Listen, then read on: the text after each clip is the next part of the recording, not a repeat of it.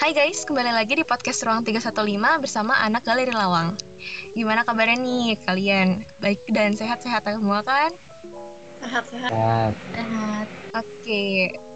Kayaknya ada ya suara yang beda tuh, rame nih. Sebelum itu mau kenalin lagi nih anak-anak dari Galeri Lawang. Uh, yang pertama ada aku, Gareth, dan ada Vanes juga. Halo. Dan mungkin ada beberapa personel yang baru nih, jadi kita mau kenalin dulu. Yang pertama itu ada Michael.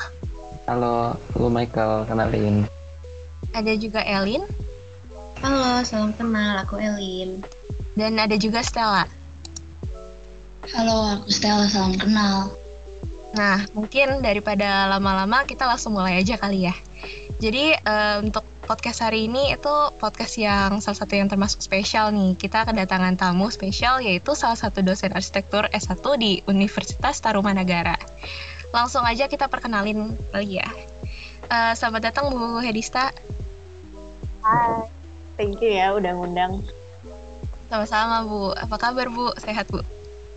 Sehat, sehat, gitu Tuhan. Kalian gimana? Sehat Bu. Sehat, Bu. Tetap berusaha. Oke. Okay. Oke, okay, uh, mungkin daripada terlalu lama perkenalnya, mungkin langsung kita mulai podcast aja dari pertanyaannya. Baik. Uh, kalau lagi kayak gini tuh kan kita lagi di masa-masa pandemi nih, Bu. Jadi uh, kira-kira Ibu ada nggak sih kayak nemu semacam kayak hobi baru gitu, atau mungkin kayak hobi-hobi yang lagi pernah ngetren tuh, kayak sepedaan hmm. atau mungkin nanam tanaman mungkin atau ada uh, kegiatan lain gitu kalau pas lagi pandemi gini ada nggak ibu kayak nemu hobi baru oke okay. ya itu benar banget sih um, kebetulan gara-gara lagi pandemi gini kan jadi lebih banyak waktu ya eh yeah. sebenarnya nggak juga sih um, ya jadi ada lah ada waktu uh, nah terus ke kebetulan banget bener tuh yang tadi Michael bilang. Saya juga akhirnya jadi punya hobi baru sepedaan sama olahraga sih. Uh, uh, jadi sepedaan malah honestly sebenarnya saya baru bisa sepeda pas lagi pandemi gini. Dulu main sepeda tuh dari dulu nggak pernah pede karena um, pernah jatuh lah terus kayak agak trauma gitu. Jadi terus sudah nggak pernah mau sepedaan lagi tapi kan pas lagi pandemi gini ngelihat semua teman-teman pada sepedaan gitu. Ih kok kayak seru ya. Nah terus akhirnya jadi memberanikan diri uh, melawan ketakutan saya. Nah akhirnya sekarang jadi tiap minggu sepedaan pasti. Ya, itu salah satu ya olahraga. Karena uh, sekarang banyak olahraga online juga. Jadi salah satu saya juga uh, agak nggak sempat olahraga kan ya soal waktu terus tempat juga gitu kan. Maksudnya kalau kayak harus nge-gym harus keluar kadang habis pulang kerja segala macam capek gitu. Ya banyak alasan ya. Nah sekarang kalau udah di rumah udah nggak ada alasan kan jadi akhirnya mulai rajin olahraga. Kalau kalian gimana? Hmm, kalau aku sama sih kayak ibu. Sebelumnya aku juga gak bisa naik sepeda, tapi pas uh, gara-gara pandemi aku coba naik sepeda kan. Habis itu bisa eh jadi keterusan jadi naik sepeda terus. Iya iya. Kadang gitu ya kalau kita um, berani ngelawan rasa takut kita itu malah kita ketemu hal-hal yang baru. Hmm, baik. Uh, jadi kalau selain olahraga tuh ada nggak selain kayak tadi sepedahan atau mungkin ada kayak nemu hobi masak atau nanam gimana tuh? Kalau masak saya emang dari dulu emang masak sih. Uh, Tapi memang ya gara-gara di rumah aja jadi mungkin lebih sering kali ya masak ya. Oh. Nah, uh, kalau nanam kebetulan saya nggak punya green thumb. Sempat bikin nanam daun mint, sempat berbuah, sempat bikin mojito. Tapi nggak lama kemudian, eh kok berbuah sih ber berdaun. tapi nggak lama kemudian kering lalu mati. Ah ya udahlah. Daripada sedih udah olahraga aja deh gitu. Hmm, kan tadi tentang uh, pas eh buat ngisi waktu kosong tuh bu. Kalau misalnya ibu lagi libur ibu biasa ngapain? Libur. Aduh iya. sebelum pandemi apa pas lagi pandemi ini hmm, pas pandemi? iya nih, saya juga agak bingung ya. Um, tapi ini sih lebih banyak menyendiri saya kalau pas lagi libur. Waduh. Karena um, saya nggak tahu kenapa, cuman gara-gara kita online begini, terus intens Zoom gitu kan, saya kayak bisa dari pagi sampai sore full Zoom uh, meeting online tuh nggak tahu kenapa malah lebih ngurus sih, lebih ngurus energi buat saya. Jadi kalau libur saya biasanya me time, ya sendirian aja di kamar ngapain, on masak, bikin kue, kayak gitu sih. agak ansos emang. Ini mau ke mana-mana juga uh, ribet ya. Biasanya kalau sebelum pandemi saya emang biasain uh, selalu traveling, cuman lagi kayak gini kayaknya nggak cukup wise ya kalau traveling. Jadi ya udah deh begitu aja. Nggak Oh, seru ya? biasa- Eh seru sih bu, kalau misalnya traveling pas offline ya. Biasanya bu emang traveling ke mana bu? Kayak hiking gitu. Eh, ya saya suka trekking terus ya kayak kalau hiking banget nggak sering ya cuman kalau kayak trekking itu cukup senang, cukup enjoy terus eh, banyak kan saya traveling senangnya sih ke tempat-tempat yang nggak terlalu mainstream gitu. Dan kalau ya apalagi kalau di Indonesia saya lebih senang visit ke local community ketimbang misalnya ke kota besar jalan-jalan. Ya kuliner itu iya sih gitu. Cuman saya lebih senang spend waktu eh, live in di desa gitu. Ya gitu kurang lebih. Saya nggak nyangka sih ternyata ibu suka ini ya sama alam selalu berkeliling dengan alam di sekitar alam. Iya, eh, iya soalnya habis kalau sehari-hari di kota ya itu kan ketemunya tembok terus. Saya Hmm. lebih refreshing kalau saya balik lagi ke alam gitu sih. Ya, dan kebetulan sebenarnya saya jadi jadi aktif jadi eh, sering nyari-nyari desa itu juga sejak eh, ngajar di Untar.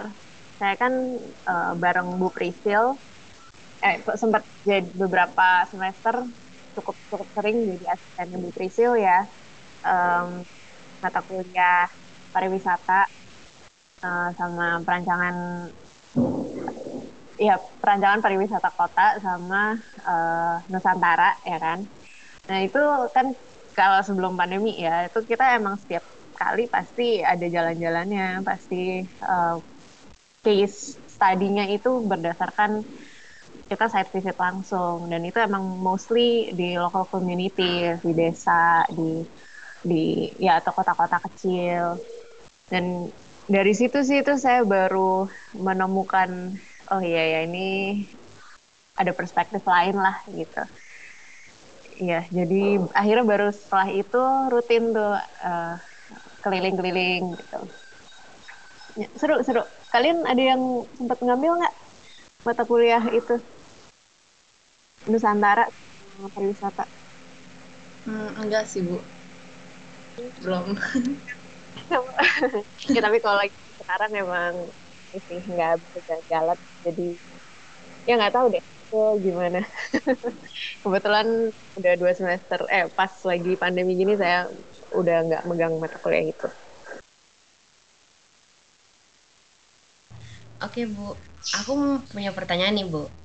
Ibu punya fobia nggak? Kalau punya tuh boleh dong cerita-cerita ke kita. Tenang Bu, nggak akan di itu diisengin. fobia waduh fobia hmm, apa ya saya nggak nyangka bakal ditanyain ini Contohnya kayak ibu takut ketinggian gitu. Hmm, nggak sih. kayaknya mungkin saya nggak nggak nggak terlalu nggak kepikir sampai sejauh ini saya nggak terlalu kepikiran fobia sih. Paling nggak suka aja kali ya. Kayak kayak saya nggak ada sesuatu yang belum kepikiran eh, sesuatu yang emang bener-bener saya anti banget sampai sampai anxiety kalau lihat kayaknya belum sih. Em, paling nggak suka itu sebenarnya sama serangga paling ya cuman ya nggak sampai fobia juga lah tapi kalau emang dari segala jenis macam binatang saya paling males kalau sama serangga apalagi kecoa Eh. udah sih standar lah bu. Kalau aku paling nggak suka sama kodok sih bu. Geli. oh oke Eh, tapi hmm, tapi nggak jarang sih ada kodok ya di, di sini ya di perkotaan. Ya, di perkotaan. Oke oke. Terus eh kalau Vanessa? Gareth Michael? Saya juga gak suka serangga sih, Bu. Kayak, ya sama kecoa. Saya juga pernah lihat video sebenarnya nih, eh, agak menarik ya, saya ketemu di YouTube sebenarnya. Eh, kecoa itu kan dibilang immortal. Jadi Ya. ditaruh di tempat dingin, ditaruh tempat yang aneh-aneh lah, hidup dia. Padahal udah tenggelam- tenggelamin juga masih hidup abis itu. Terus saya Iya, nonton dia ini. Hmm?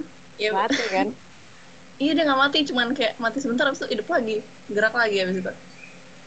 Ya, terus kenapa tadi Habis itu saya lihat ini em, dia kayak ngelakuin percobaan gitu.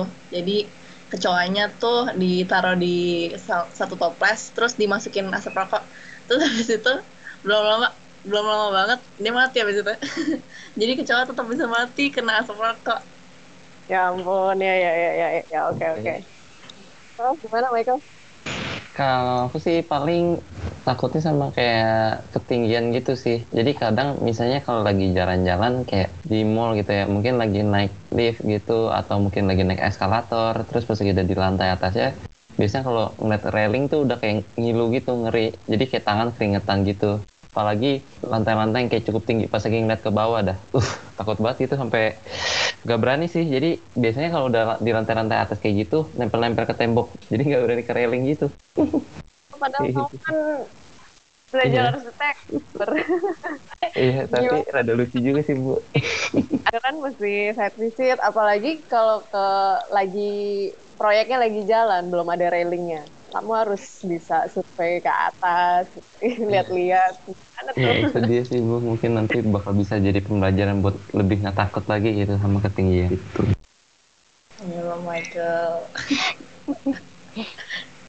Tapi ya Bu, ya, Ibu kan nggak suka sama serangga nih. Tapi kan sebenarnya trekking itu kan termasuk bagian dari alam gitu ya. Jalan-jalan. Jadi biasa kalau trekking itu Ibu punya persiapan atau gimana Bu? Tahu-tahu lagi jalan tiba-tiba ada serangga gimana tuh Bu? Iya ya, benar juga poinnya. Iya, tapi makanya itu saya bilang kayak saya nggak fobia banget eh, sampai ya sampai keringet dingin gitu enggak sih. Cuman emang nggak suka. Ya, tapi kalau udah di hutan nggak tahu bawaannya jadi lebih berani aja sih gitu lebih oh ya udah apa ya lebih consider dia itu emang part dari ya saya tuh cuman justru saya tuh numpang rumahnya dia gitu kan saya numpang lewat jadi respect aja lah ke mereka gitu cuman kalau di kamar kan kalau kecoa masuk kan dia yang numpang rumah saya gitu ya. Jadi Iya. mungkin perlaku beda. Gitu sih. Lihat-lihat konteks berarti tapi bener iya juga ya. Eh, analisis yang bagus. Oke oke. Bu. terus terus. Aku mau nanya Bu, eh, menurut Ibu tuh outfit apa yang cocok buat ke kampus gitu? Kalau boleh saran dong Bu, kan aku masih online gitu, belum pernah ke kampus nih.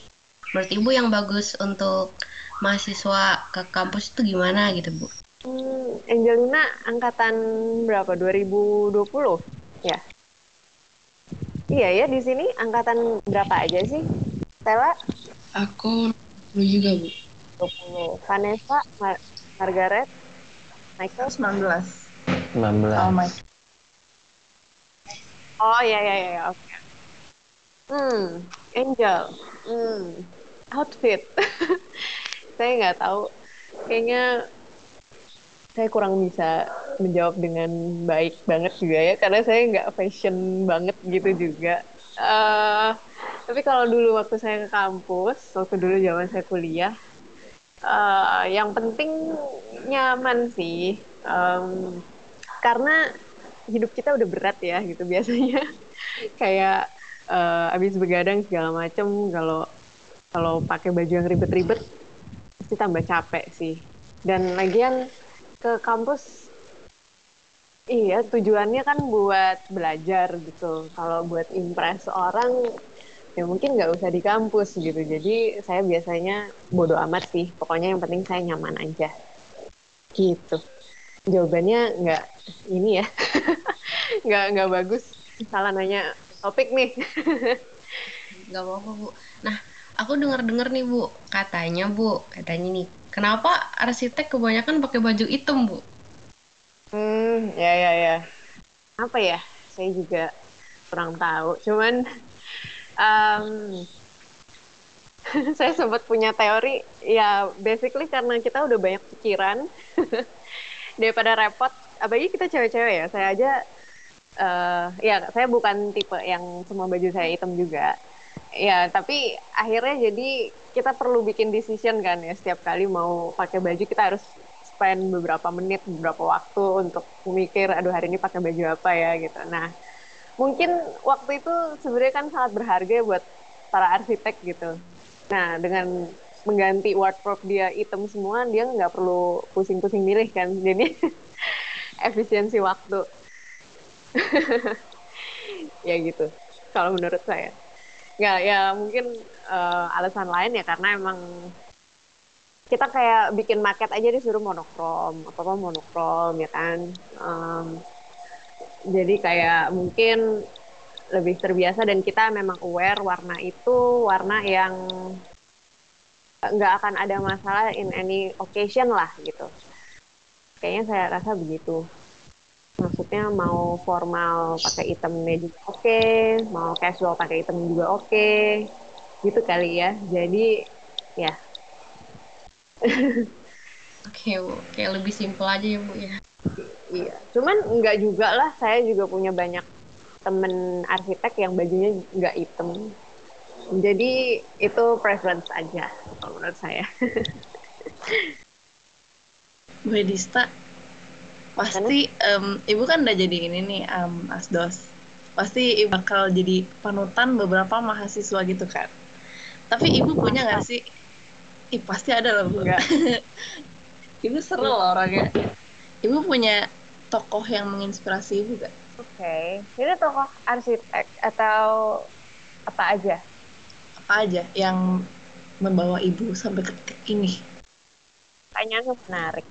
Kalau saya pribadi sih, saya mengagumi banyak orang ya, dan uh, yang saya kagumi biasanya spesifik gitu, nggak yang ya udah 100% saya mau ngambil dari dia gitu, nggak sih, pasti misalnya saya suka A karena saya suka uh, cara pikirnya, saya suka B karena saya suka uh, gimana cara dia bicara, misalnya kayak gitu sih, jadi kalau kamu tanya kan saya siapa?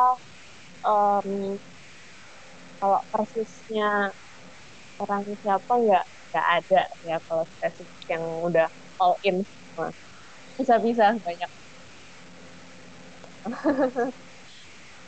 Tapi mungkin kalau yang mempengaruhi cara pandang saya terhadap arsitektur. Ya konteksnya misalnya lagi ngomongin arsitek ini uh, Pak Eko Prawoto sih. Itu nomor satu deh. Uh, pemikiran-pemikiran dia yang sangat mempengaruhi saya gitu. Jadi ya dan itu salah satunya juga kenapa saya seneng jalan-jalan ke desa uh, turun terjun langsung ke lokal pemprov Hmm, jadi dari Pak Eko Pramoto ini muncul prinsip-prinsip baru buat Ibu. Misalnya kayak yang tadi, bisa keliling-keliling. Saya pertama dengerin dia ngomong itu waktu lagi TGA gitu. Nah, terus itu yang bikin saya, eh saya lupa TGA apa waktu semester ya saya agak lupa. Pokoknya kayak pas lagi ada public lecture TGA gitu lah. Nah, terus uh, ya tapi tetap itu detik-detik terakhir saya belajar arsitektur kan dan waktu dengerin beliau saya tuh kayak aduh ke mana aja gue selama ini ya gitu ya gitu sih jadi akhirnya punya perspektif baru dan malah jadi lebih enjoy sih sama arsitektur ternyata arsitektur bisa dipandang dengan cara yang seperti ini loh gitu. Menarik sih Bu itu. Iya kalau arsitek sih itu. Kalau selain arsitek, aduh nggak bisa banyak banget campur-campur sih. Oke, mau nanya juga nih Bu. Tadi kan mungkin itu terinspirasinya pas lagi udah jadi kayak masuk ke jurusan arsitek. Nah, tapi kalau mungkin dibalikin lagi nih, mundur lagi waktunya sebelum uh, ibu kayak daftar ke jurusan arsitek itu ada alasan nggak sih kayak kenapa ibu mau masuk ke jurusan arsitek gitu? Hmm, oke. Okay. Alasan kenapa saya milih arsitektur ya? Iya.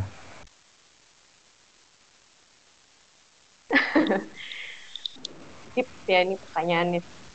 Uh, tapi intinya ini sih, saya memang memilih arsitektur benar-benar dalam keadaan sadar dan memang kemauan saya sendiri.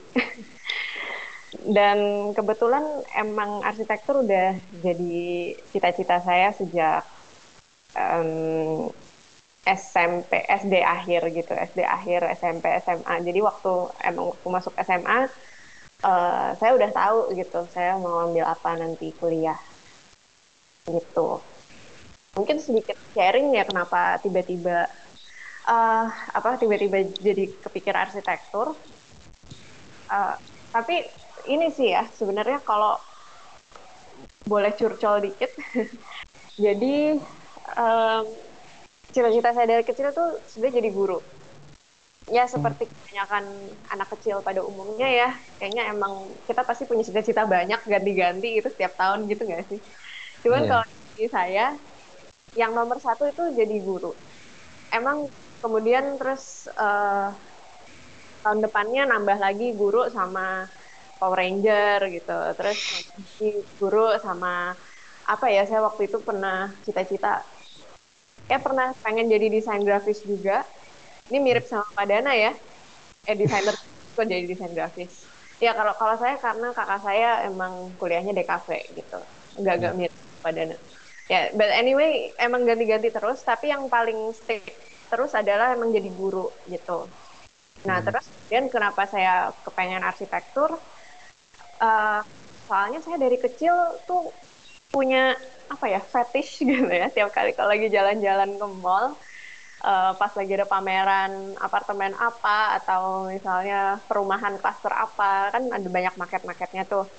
Saya tuh bisa spend hours di depan market itu ngeliatin bener-bener satu diliatin. Saya nggak tahu seneng banget gitu. Sampai saya nanya kan sama papa mama saya ini kalau kerja bikin beginian tuh jadi apa ya? Gitu. Terus mereka bilang jadi arsitek. Oh ya aku mau gitu. Walaupun sebenarnya yang bikin market bukan arsitek ya. Ya tukang market gitu ya tapi uh, gara-gara tahu emang itu arsitektur ya udah akhirnya saya suka itu sih. Dan uh, naruh arsitektur di salah satu list cita-cita saya gitu. Uh, alongside sama guru. Tapi memang masih no idea sebenarnya. Uh, masih belum kepikiran kalau terus akhirnya ujungnya malah jadi dosen arsitektur gitu. Jadi dulu cuman ya seperti anak-anak lah gitu pengennya banyak udah gitu sih sesimpel itu. Uh, waktu tahun 2006 tsunami Aceh. Kalian udah lahir kan ya? Tapi masih kecil banget ya pasti ya? Udah ya itu saya lihat di TV gitu. Hmm, itu saya akhir SD kalau nggak salah atau awal SMP gitu. Uh, saya lihat di TV kejadian yang begitu mencekam itu ya. Terus bener-bener dahsyatnya itu sampai bener-bener rata gitu kan. Semua rumah-rumah perumahan segala macam rata. Uh, dan banyak orang kehilangan rumah. Uh, di pengungsian juga um, jelek banget kualitas hidupnya segala macam. Itu saya jadi mikir oh ya dan aduh pokoknya kasihan banget lah. Itu bener-bener nggak kebayang dan mereka akhirnya ditempatin di tempat-tempat yang ya itu tadi kualitas hidupnya nggak baik. Dan saya terus jadi mikir walau um, kasihan ya gitu. Ini kan bukan pilihan mereka sebenarnya. Tapi uh, dan harusnya mereka punya hak yang sama sama kita untuk dapat uh, apa tempat tinggal yang yang baik. Ya itu kan salah satu dari our primary needs gitu. Nah, tapi satu sisi saya juga tahu iya ya arsitek itu soalnya mahal ya.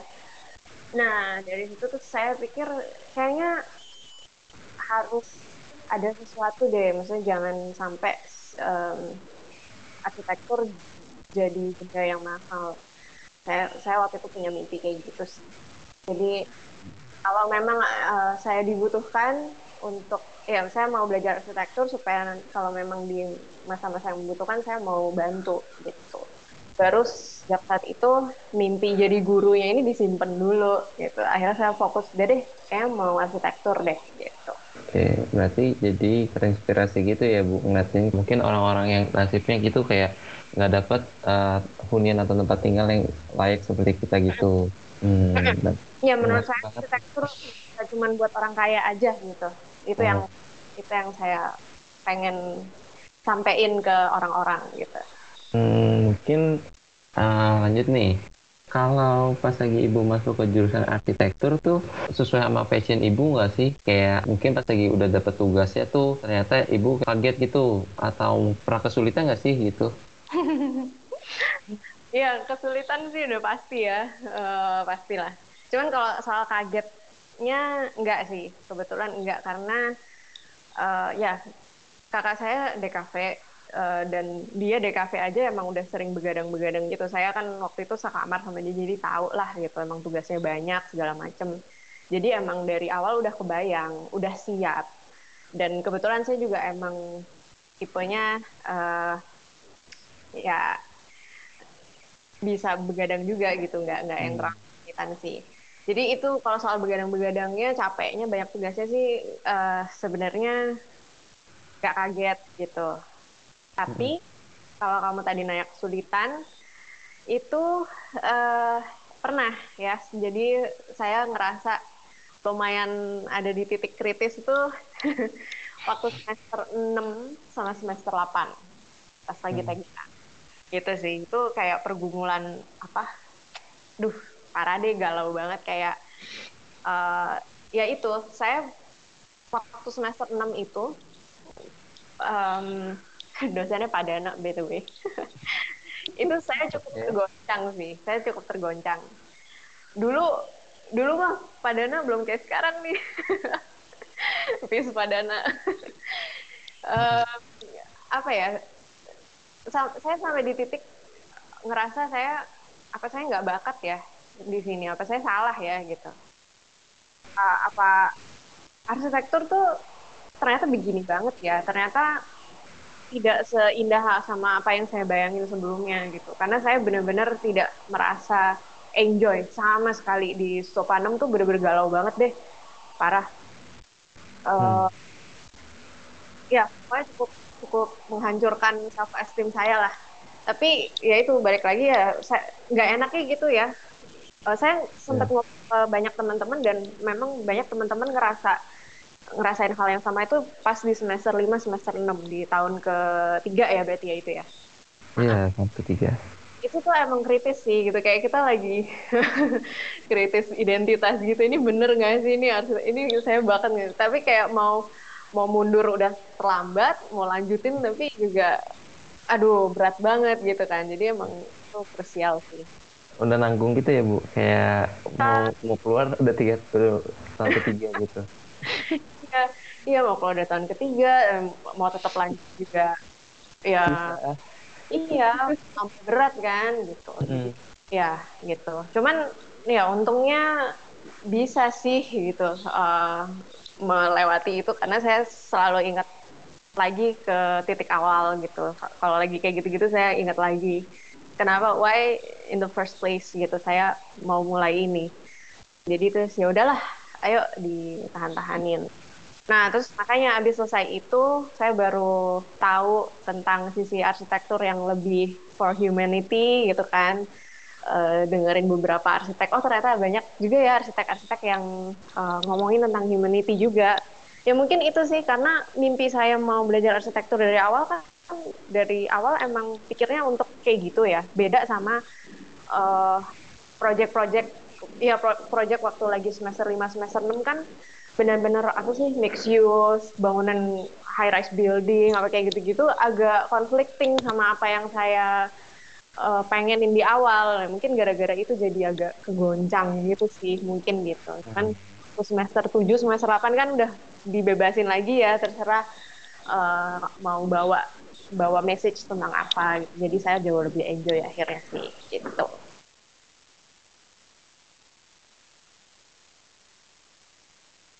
Benar. Nah, Gareth gimana? Kamu kan udah uh, tahun ketiga juga kan ya berarti ya? Sama dengan posisi iya. saya.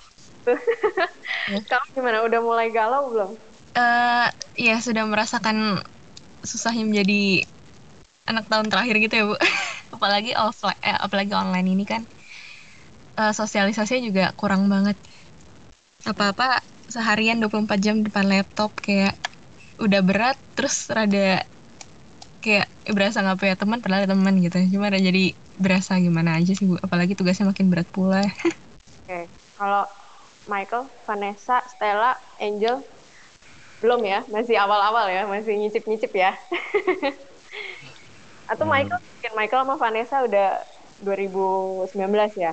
Udah merasakan beratnya sih bu. Kayak ngerasa ah ini apa kok? Saya nggak tahu ini gimana caranya rasanya kayak bodoh banget gitu. Apa yang dilupakan apa yang dilewatkan. Hmm. oke oke. Ya nggak apa-apa dinikmati aja. Dinikmati aja ketidaktahuan itu.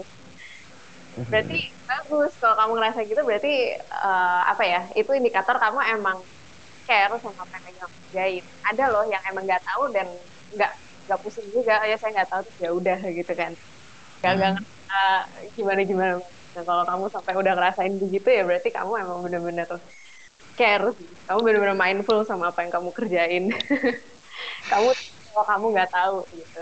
Uh, soalnya sama sih Bu, pas lagi kayak sekarang tuh semester 5 kayak gini tuh kan ngambilnya perancangan ruang luar gitu kan bikin kayak landscaping gitu, bikin ruang terbuka hijau. Nah, pas lagi dapat kayak tugas tupa 5 kayak gini nggak dapet kayak sesuai sama passionnya gitu sih. Jadi benar-benar hmm. bingung hmm. aduh kayak nggak berminat banget gitu pas lagi ngerjain tugasnya. Tapi kayak harus mau nggak mau tuh dikerjain. Ya iya iya iya ya. Oke okay. emang kalau Michael uh, passionnya di apa?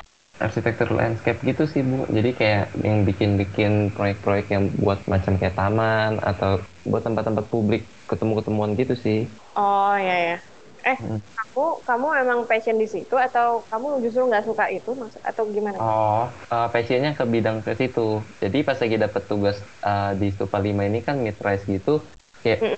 bener-bener tolak belakang gitu sih. Jadi kayak eh, nggak uh, dapat minatnya buat ngerjain tugasnya gitu sih. Oh oh ya ya ya ya ya hmm. ya ya kayak gitu. Itu yang bikin aduh ya jadi nggak semangat ya cuman ya harus disesain gitu. Soalnya emang bener sih kadang ya nanti kalau udah di kehidupan nyata kalian nggak punya pilihan gitu. Kadang-kadang seperti itu. Uh, mostly mungkin kalian emang udah punya spesialisasinya gitu misalnya. Tapi itu kan butuh waktu yang cukup lama. Nah, selama kalian belum dapat tanda kutip spesialisasi sesuatu, nanti akan diperhadapkan sama kalian nggak punya pilihan gitu. Jadi kalian nggak bisa milih, oh project ini saya nggak suka, nggak mau kerjain, ah nggak bisa kayak gitu gitu kan. Hmm. Jadi, saya ya kuliah tuh salah satu area belajar juga sih untuk bisa nerima, untuk bisa nelen, untuk jadi dewasa gitu. Oke, okay. hmm, lanjut. Ini mungkin sekarang kasusnya kita maju lagi nih Bu. Jadi kan kalau tadi uh, pas lagi zamannya susah kuliah gitu. Nah pas lagi Ibu udah lulus nih, uh, Ibu kebayang nggak sih kenapa kayak berminat gitu mau jadi dosen pembimbing gitu? Atau Ibu emang mau kerja gitu? Atau emang Ibu berminat emang passion gitu? Kayak gimana? Um, ya itu baik lagi kan saya dari kecil emang udah mimpi menjadi guru gitu ya tapi jujur masih belum kepikiran sebenarnya kalau ada opportunity untuk jadi dosen arsitektur. Jadi ya saya nggak tahu gimana uh, pas udah lulus itu ditawarin lah sama si Bu Vero.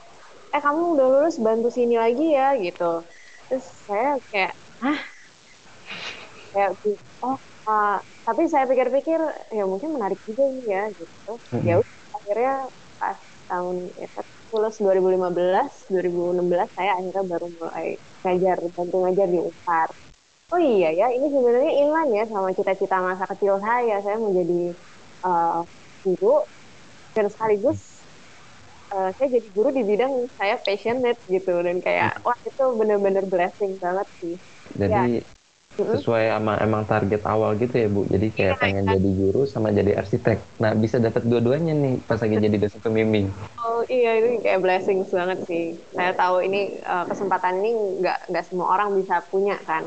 Maksudnya bukan jadi dosen arsitek tapi bisa menghidup living their dreams gitu kan. Jadi saya bersyukur banget sih. Uh, ya tapi satu sisi saya juga sadar saya nggak mau jadi dosen arsitek yang tidak praktek gitu. Karena apalagi ini kita orang teknik kan jadi kayak kayaknya uh, agak lucu deh kalau saya ngajar tapi saya nggak punya pengalaman di dunia praktek sungguhnya gitu. Jadi uh, therefore saya bener-bener ngusahain pokoknya walaupun saya ngajar saya juga tetap punya proyek saya tetap pernah pegang proyek kayak gitu sih. Supaya yang ajarin tuh juga nggak cuma teori doang ada kan beberapa pengajar. Ya hmm. dia banyak aja bacotnya. Padahal sebenarnya nggak ya dia nggak tahu kalau lagi di lapangan tuh seperti apa gitu. Ada aja kan kayak gitu. Nah saya nggak mau kayak gitu. Supaya emang yang saya share itu benar-benar berguna lah ya buat uh, teman-teman mahasiswa. Gitu. Jadi um, agak-agak ambis juga sih sebenarnya ya. Um, semua mau diambil gitu. Ya walaupun itu akhirnya mengorbankan waktu terus jadi semakin nggak punya teman. Cuman nggak apa-apa saya bahagia kok gitu. Hmm. ya waktu udah lulus uh, sambil ngajar kan terus ya karena saya mau tetap mau praktek menurut saya saya kepengen coba yang udah saya pelajarin selama empat tahun ini kalau uh, relate ke dunia benerannya gimana sih gitu. Jadi saya tetap ini um, kerja di arsitek tropis di arsitek tropis waktu itu. Um, masih kecil uh, kantornya waktu itu masih kecil baru baru buka banget kok kayak baru satu tahun atau saya join. Kebetulan banget nih ini another blessing sih ya menurut saya. Kebetulan banget uh, firm saya ini ngizinin saya sambil ngajar. Jadi saya Senin Rabu Jumat di kantor Selasa Kamis ngajar tapi tetap kerja sih Selasa Kamis tuh. Jadi abis pulang ngajar saya di rumah harus lanjutin kerjaan kayak gitu.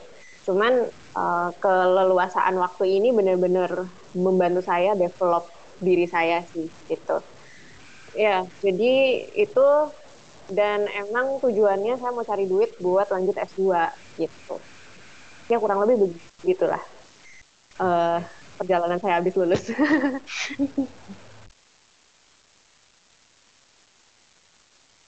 Oke, Ibu, aku mau nanya. Tipe mahasiswa favorit Ibu gimana? Wow.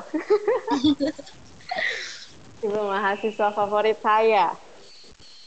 Uh, iya ya, kok saya nggak pernah mikirin ya. um, nggak nggak nggak bisa sih selama uh, pengalaman saya berapa tahun lima tahun ini ngajar sih mahasiswa tipenya beda-beda banget semua ya. Um, tapi mungkin saya paling respect ini nggak favorit mungkin saya lebih ke respect. Karena kalau favorit inilah uh, kayaknya subjektif banget ya. Eh gimana ya? Berarti saya pilih kasih dong. Saya kasih nilai dia ini dong berdasarkan uh, apa interest saya. Enggak sih kayaknya. Saya mungkin lebih ke respect ke mahasiswa yang uh, di awal benar-benar lemah banget dibanding teman-teman segrupnya atau teman-teman sekelasnya. Dia memang dari awal kelihatan lemah banget. Tapi usaha itu sih. Uh, itu saya respect banget. Usaha dan emang nunjukin kalau dia tuh kepengen bisa kepengen mau gitu karena uh, saya ngelihat juga banyak mahasiswa yang uh, kelihatan dia pun sadar dia lemah daripada teman-teman yang lain dan ya udah uh, saya kan emang nggak pinter kayak si itu gitu atau saya emang nggak nggak nggak bisa lah rajin kayak si itu gitu kayak gitu gitu ada juga kan mahasiswa yang kayak gitu. Nah itu uh, wah males deh kalau udah kayak gitu. Nah saya lebih respect ke yang kurang tapi dia punya niat punya kerja keras itu ketimbang yang emang udah pinter dari sononya. Kadang ya ada juga ya maksudnya saya nggak bisa mungkirin. Banyak juga yang memang udah pinter emang udah uh, smart udah bright kayak gitu. Nah kalau udah kayak gitu ya menurut saya berarti dia hmm, bisa nih develop dirinya dia sendiri nih. Paling saya cuma kasih trigger-trigger aja dan ya dia dia udah udah apa ya udah given lah kadang-kadang kayak gitu jadi ya udah gitu tapi kan yang saya respect ya itu yang mau yang nunjukin benar-benar kerja kerasnya itu sih Oke, menarik sih Bu. nah, aku mau nanya nih Bu, um, strategi Ibu dalam mengajar tuh apa sih Bu? Soalnya kan anak-anak nih kayaknya suka gitu sama Ibu. Ibunya nih kayak gini gitu, baik gitu. Apa? kan nggak ada nggak ada strategi apa-apa. Uh, saya kayaknya lebih ke ini sih, hmm, apa ya? Main over matter ya. Jadi uh, ya itu saya lebih ngelihat ke effort sering um, bentuk atau hasil desainnya nggak bagus sebenarnya atau gambarnya nggak terlalu bagus tapi kalau selama itu sistematis analisisnya tepat terus um, punya vision yang kuat gitu. Menurut saya ya jadi saya nggak nggak nggak pernah menilai berdasarkan gambar tok gitu. Jadi saya lebih ngeliat ke ke idenya dibanding outputnya gitu sih.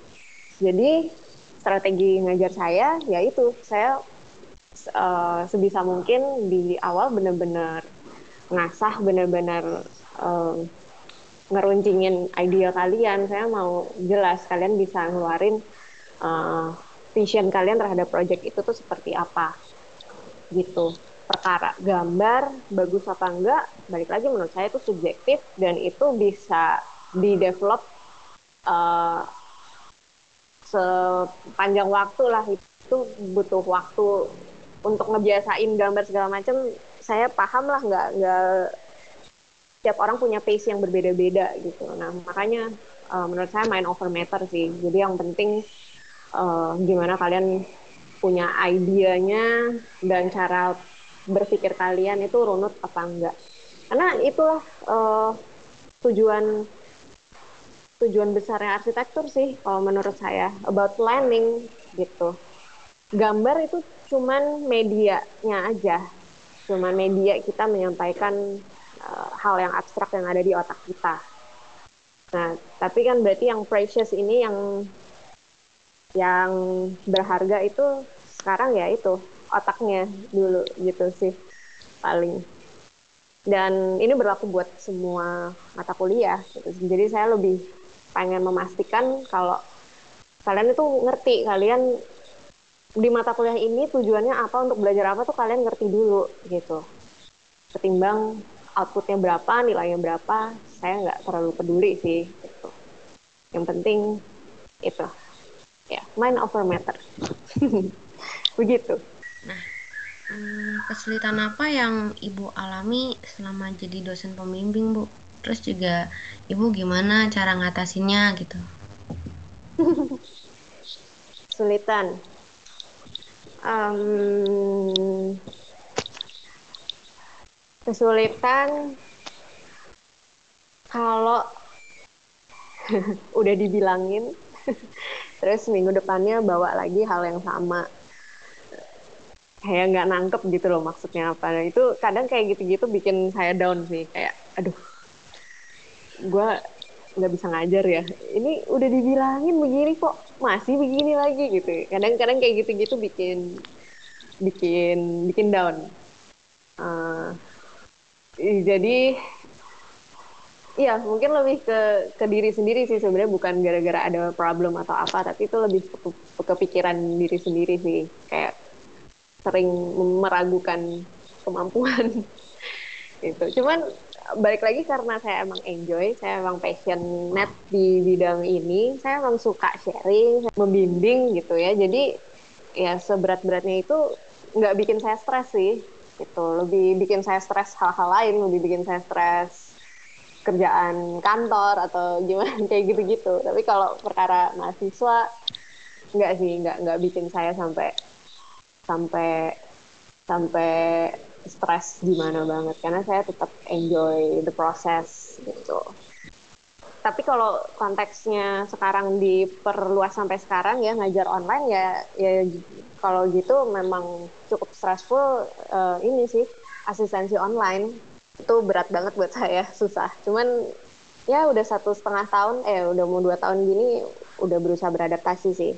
So far ya udahlah akhirnya kita harus ya itu balik lagi kita kadang-kadang emang nggak punya pilihan kan. Jadi selain ngikut arus jadi ya udah uh, dibiasain. Walaupun emang cukup struggle lah eh, nggak bisa. Dulu kalau asistensi udah tinggal coret-coret selesai gitu kan pas lagi langsung dan kaliannya saya yakin kaliannya pun juga pasti lebih gampang mahaminnya kalau langsung dibanding di layar uh, pakai annotate apa gitu kayak uh, berat lah di situ tapi uh, selebih dari itu saya nggak nggak ada yang bikin saya bener-bener sampai down gitu sih. Ya Bu, eh berhubung yang masalah online tadi Bu, aku jadi punya pertanyaan gitu kan Bu. Nah, perbedaan apa sih yang Ibu rasain tuh waktu membimbing angkatan-angkatan yang kayak aku sekarang yang online gitu Bu, sama yang uh, sebelumnya yang offline gitu? Perbedaannya, hmm, ya udah pasti ke cara komunikasinya pasti beda. Tapi saya nemuin setiap angkatan punya punya constraints-nya sendiri-sendiri sih. Terlepas itu masalah online apa enggak.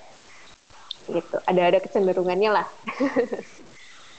Kayak misal satu angkatan lebih uh, lebih vokal, lebih bisa apa ya, lebih bisa lebih kuat konsepnya. Satu angkatan gambarnya lebih bagus-bagus kayak gitu. Jadi jadi emang beda dari karakter setiap angkatan yang beda-beda uh, jadi ya permasalahan perkara online apa enggak itu pun juga jadi bias ya.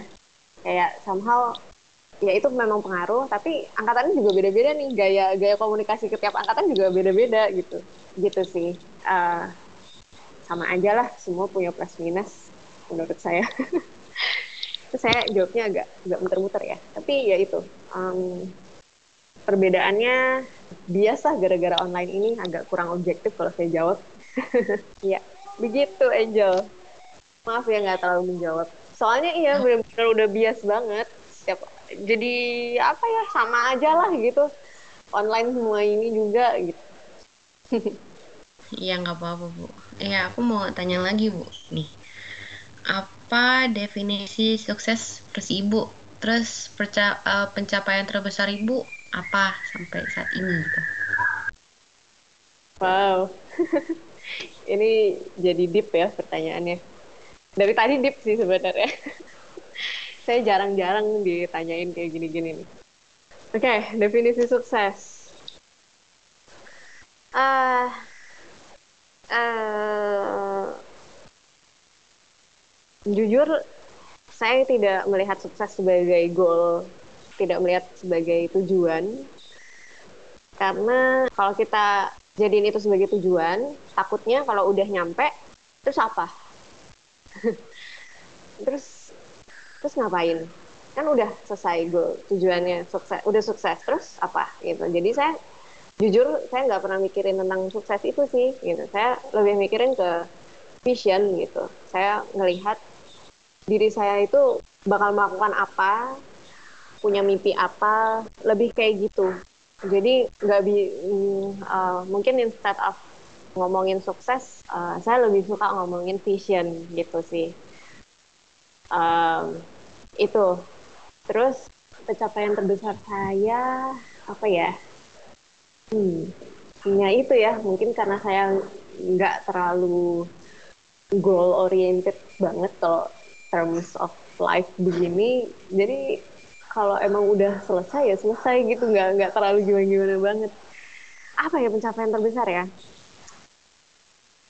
mungkin ini mungkin um, tapi ini ya uh, menurut saya besar kecilnya setiap orang uh, beda-beda gitu. Mungkin orang melihat uh, di saya sebenarnya ada pencapaian lain yang secara kuantitatif lebih besar. Tapi kalau saya pribadi, menurut saya pencapaian terbesar saya adalah uh, saya bisa lulus S2 dengan biaya sendiri sambil kerja sambil megang proyek gitu. saya ngerasa itu uh, pencapaian terbesar saya sih sampai sejauh ini. Karena saya um, tahu ups and downs-nya.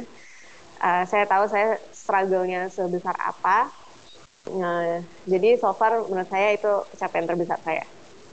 Gitu. Maksud saya uh, mungkin bagi orang lain ada yang emang serupa juga gitu ya. S2 juga, uh, bayar sendiri juga, sudah kerja juga gitu. Tapi itu bukan pencapaian terbesar mereka ya. Ya udah ya nggak apa-apa gitu cuman kalau bagi saya itu matters banget buat saya karena kayak itu perjalanan pendewasaan saya juga gitu jadi itu ya kayak apa pencapaian terbesar tuh bagi saya sih nggak harus selalu uh, indikatornya sama materi tapi lebih ke itu proses pendewasaan. Itu yang lebih penting kayaknya. Hmm. saya salut sih sama ibu. Ibu tahu struggle-nya dan ibu bisa ngejalaninnya. Kalau saya cuman tahu kayak oh ini berat sih. Tapi pas coba tuh kayak ah, susah banget. Uh, berhenti aja rasanya. Ya jangan. Enggak lah. Uh, itu juga inilah uh, nggak nggak instan lah pemikiran pemikiran begitu. Tapi um, ya itu sih. Uh, pokoknya selalu ingat kenapa kamu mulai gitu aja sih. Banget Vanessa. Makasih bu. Tapi bu pas lagi proses buat mencapai pencapaian ibu ini uh, ibu pernah jenuh gak sih pas lagi kerja? Oh ya pernah. Pernah lah. Nah itu pas uh, contoh nih ya ini kita lagi pegang proyek nih ya rumah LBH kan sama kontraktor baru, mandor baru. Itu ya ampun komunikasinya susah banget. Itu stres banget. Uh, setiap yang omongin apa dilakuinnya beda kayak aduh jadi hancur banget nah itu sih kadang-kadang kayak gitu-gitu bikin jenuh bikin udah males lah nih kalau kayak gini kayak gitu-gitu tapi balik lagi mungkin jawaban saya template banget ya ya itu balik lagi saya akhirnya ingat ke titik awal mungkin saya emang mesti harus belajar komunikasi lagi saya harus di nanti di proyek berikutnya uh, gambar saya mesti lebih diperdetail lagi atau gimana gitu. Jadi kejenuhan ini sangat manusiawi, tapi jangan sampai it consumes us gitu sih. Jangan sampai kamu dikalahin sama kejenuhan kamu. Kamu harus menang gitu. Kayak gitu. Hmm, jadi uh, dari tadi salah-salah gimana bu? Lancar gak itu bangunannya? Ya, ya itu. Harus banyak kompromi terus harus berpikir kreatif.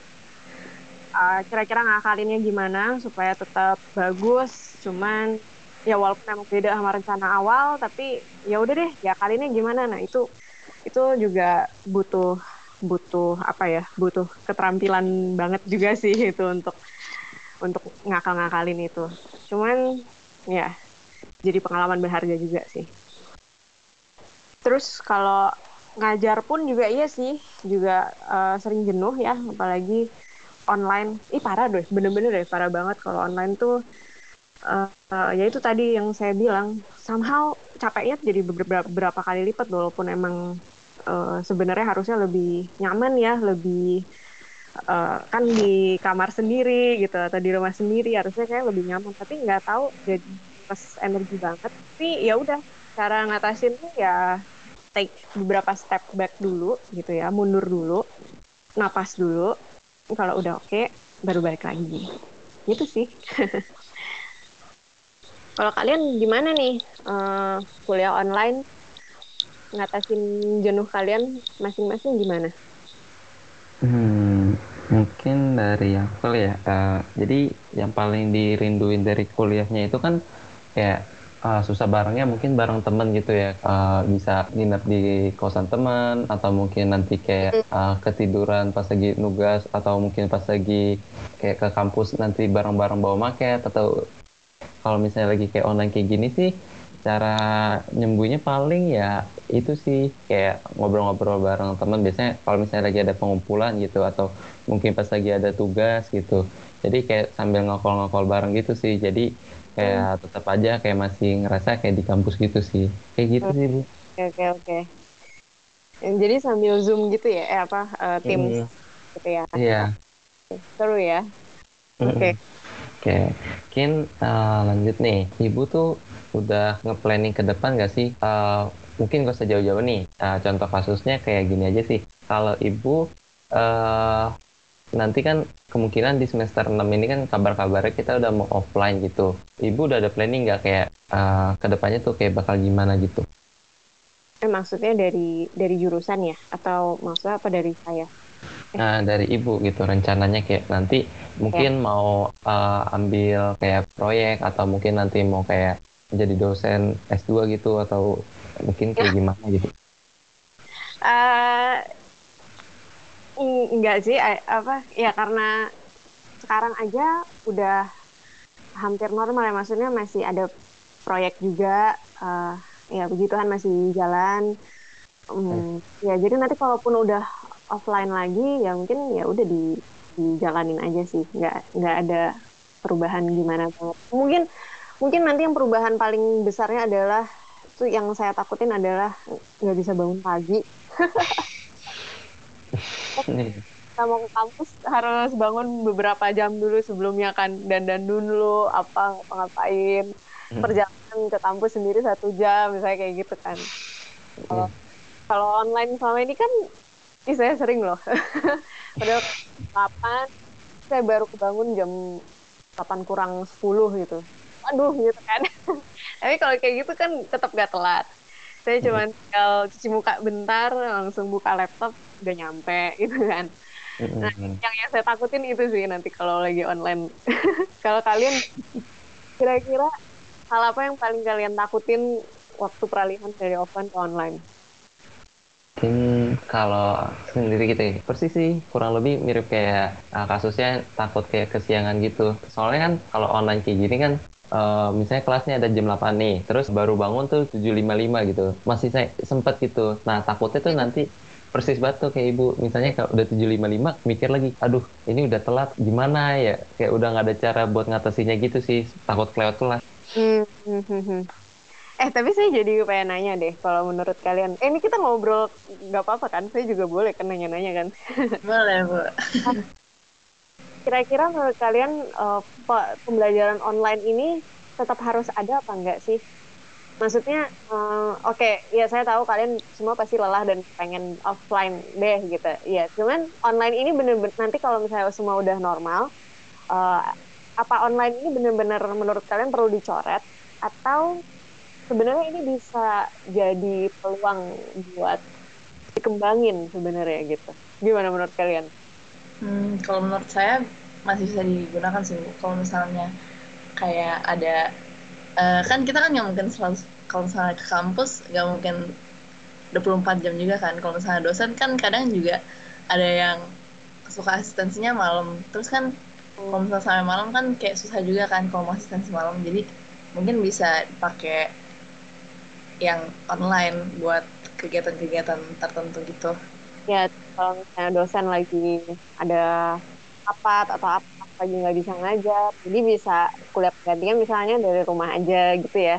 Tambahin kali ya, kalau dari aku sih kayak gini, kerja kelompok kan biasa tuh uh, dulu tuh ya pas lagi zaman zamannya offline, biasanya kan ketemu di kampus gitu ya, kayak yang nggak disukain gitu kan biasa makan waktu gitu loh, jadi kayak telat gitu. Kadang kayak uh, mungkin kumpul jam 11, nah nanti ternyata pas lagi kenyataannya tuh ntar ada yang datang jam 12 gitu ntar mungkin ada yang lebih lama lagi.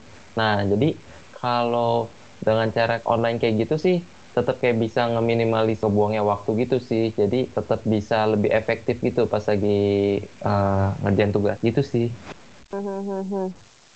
Iya ya setuju setuju. Hmm. Ini, mungkin ini ya uh, perlu dikembangin hybrid gitu ya. uh, hmm at some points ya memang mostly diusahakan offline tapi kalau emang satu dan lain hal bisa online ya kenapa enggak gitu ya iya yeah. oke okay, oke okay, oke okay. oke kita lanjut nih bu jadi kita ada kuis kilat dadakan namanya Waduh, oke. contohnya kayak gini misalnya ibu tuh tim tuang atau tim celup Oke. jadi ini ya langsung dijawab aja bu Habis itu nanti kita langsung lanjut lanjut lanjut Eh tapi konteks besarnya ceritanya tentang apa? Tentang apa aja? Tentang kesukaan ibu Coba ya. kita mulai pertanyaan pertama milk tea atau coffee Waduh. Aduh, pertanyaan pertama aja saya nggak bisa jawab. Gimana dong? Aduh. Terus saya payah banget nih main begini. Ah, Oke, sekarang milk tea. oke lanjut ibu lebih suka pedas atau nggak pedas Pedas. Netflix atau YouTube Aduh. Eh eh, eh, eh, YouTube deh. oke mie goreng atau mie kuah Ah, mie goreng. anjing atau kucing Anjing. demen pop atau K-pop Pop banget. oke ibu lebih suka ngajar offline atau online Sekarang lagi offline. Tapi saya yakin nanti kalau udah eh, offline beneran saya bisa kangen ngajar online juga sih. oke mengajar atau belajar Wah, ini nih. Gak bisa menurut saya, gak bisa ini. Soalnya sepengalaman saya, kalau saya ngajar pun saya itu belajar gitu. Jadi either way, dan begitu saya belajar, saya pasti nggak bi- ya couldn't help buat buat share itu pasti nggak mungkin saya telan buat diri saya sendiri entah itu ke mahasiswa apa ke teman eh lu tahu nggak itu itu pasti kayak gitu sih kalau saya jadi menurut saya pertanyaan belajar atau ngajar itu dua entitas yang berbeda. oke berarti ibu belajar kemudian mengajar Gitu ya, ya oke lah boleh lah. Hmm. konsep atau desain Ah, desain. oh gambar manual atau digital Ah, aduh. Aduh, ini tergantung konsep, eh tergantung konteks juga nih. Ah, kalau kalau lagi ngerancang konsep, lagi awal-awal, lagi skematik itu manual. Tapi kalau udah finishing buat deliver ke tukang atau ke klien ini digital sih. Hmm, oke oke bu pertanyaannya sampai di sini aja Oke. Kenapa menarik suka banget sih waktu saya bilang desain? Hmm? oh soalnya saya kira ibu lebih suka konsep Iya iya iya. Heeh. Eh, tapi gini, eh saya bingung juga sih soalnya tadi bedanya apa ya konsep sama desain ya. Kalau eh, karena konsepnya bagus pun tapi desainnya tidak terdeliver juga percuma kan. Mm-mm. Banyak banyak yang gitu konsep-konsepnya aja bagus tapi terus eh, pas di praktek pas kita bener-bener ngerasain ruangnya di dalam eh ternyata panas banget ya gitu kayak kayak misalnya apa ya eh, taman menteng deh gitu yang yang kaca-kaca itu yang yang niruin Louvre itu. Itu kan bagus banget ya konsepnya tuh bagus banget bener-bener eh, ya keren lah. Di tengah kota tiba-tiba ada objek kayak gitu objek arsitektur kayak gitu pasti sangat instagramable segala macam tapi waktu kita ke sana coba experience ruangnya wah itu panas banget dari segi desainnya tidak dipikirin untuk eh, cuaca Jakarta misalnya gitu. jadi kan jadi percuma juga ya. Karena yang langsung ber- langsung berkenaan sama kita itu hmm, desainnya yang langsung berinteraksi sama manusia. Ya kalau yang tadi saya konteks saya lagi ngajar ya tadi emang saya bilang ya yang penting idenya gambarnya belum terlalu bagus pun selama itu bisa terdeliver dengan baik nggak masalah. Ya itu beda karena konteksnya lagi eh, belajar lagi kuliah. Tapi kalau di real life saya desain somehow lebih matter sih. Karena gini deh coba kalian kalau punya konsep bangunan apa sih kalau zaman-zaman suka-suka masih kecil? Kan ini ya eh, konsep bangunan saya pohon gitu. Pohon memberikan kesejukan kayak gitu kayak gitu gitulah ya. Nah kalau misalnya gitu eh, orang datang ke bangunan kamu lagi nggak ada kamu nggak ada yang bisa nggak ada yang jelasin gitu. Eh, dan kamu juga di bangunan kamu nggak kamu tempel poster perancangan kamu kan konsepnya apa gitu kan nggak bisa gitu. Nah terus jadi tuh konsepnya buat apa? Percuma kan ap- apa cerita-cerita dongeng di depan itu kan jadi percuma. Kan akhirnya yang matters adalah ya orang tuh pakai ruangan kamu seperti apa pakai desain kamu seperti apa kan? Gitu. Bener memang kalau konsepnya tidak kuat eh, Mhm. ya gini konsepnya kuat aja desainnya bisa salah. Gimana konsepnya nggak kuat gitu. Jadi saling berhubungan sih ya. Oke bu. Em, sebelumnya terima kasih buat cerita yang udah ibu bagikan ya.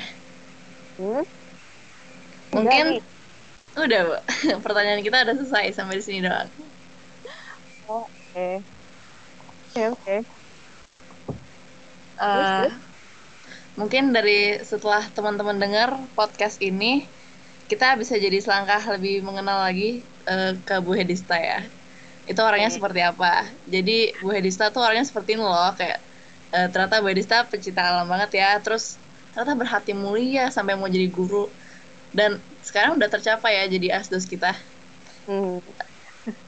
terima kasih ya Bu udah meluangkan waktu untuk hadir di podcast kita. Dan kalau ada kesempatan lain kira-kira Ibu tertarik gak buat ikut acara Galeri Lawang? Oh pastinya dong. Pastinya. Saya eh, galeri lawang itu ini sangat memorable lah buat saya.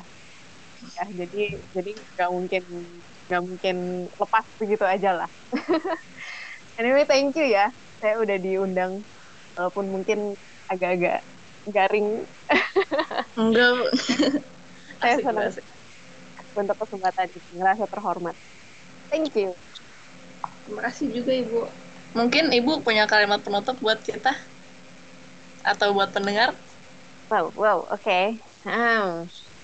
kalimat penutup ya selalu selalu em, lakuin yang terbaik yang kalian bisa gitu dan gak usah compare sama orang lain yang penting compare dengan diri kalian sendiri gitu Wow.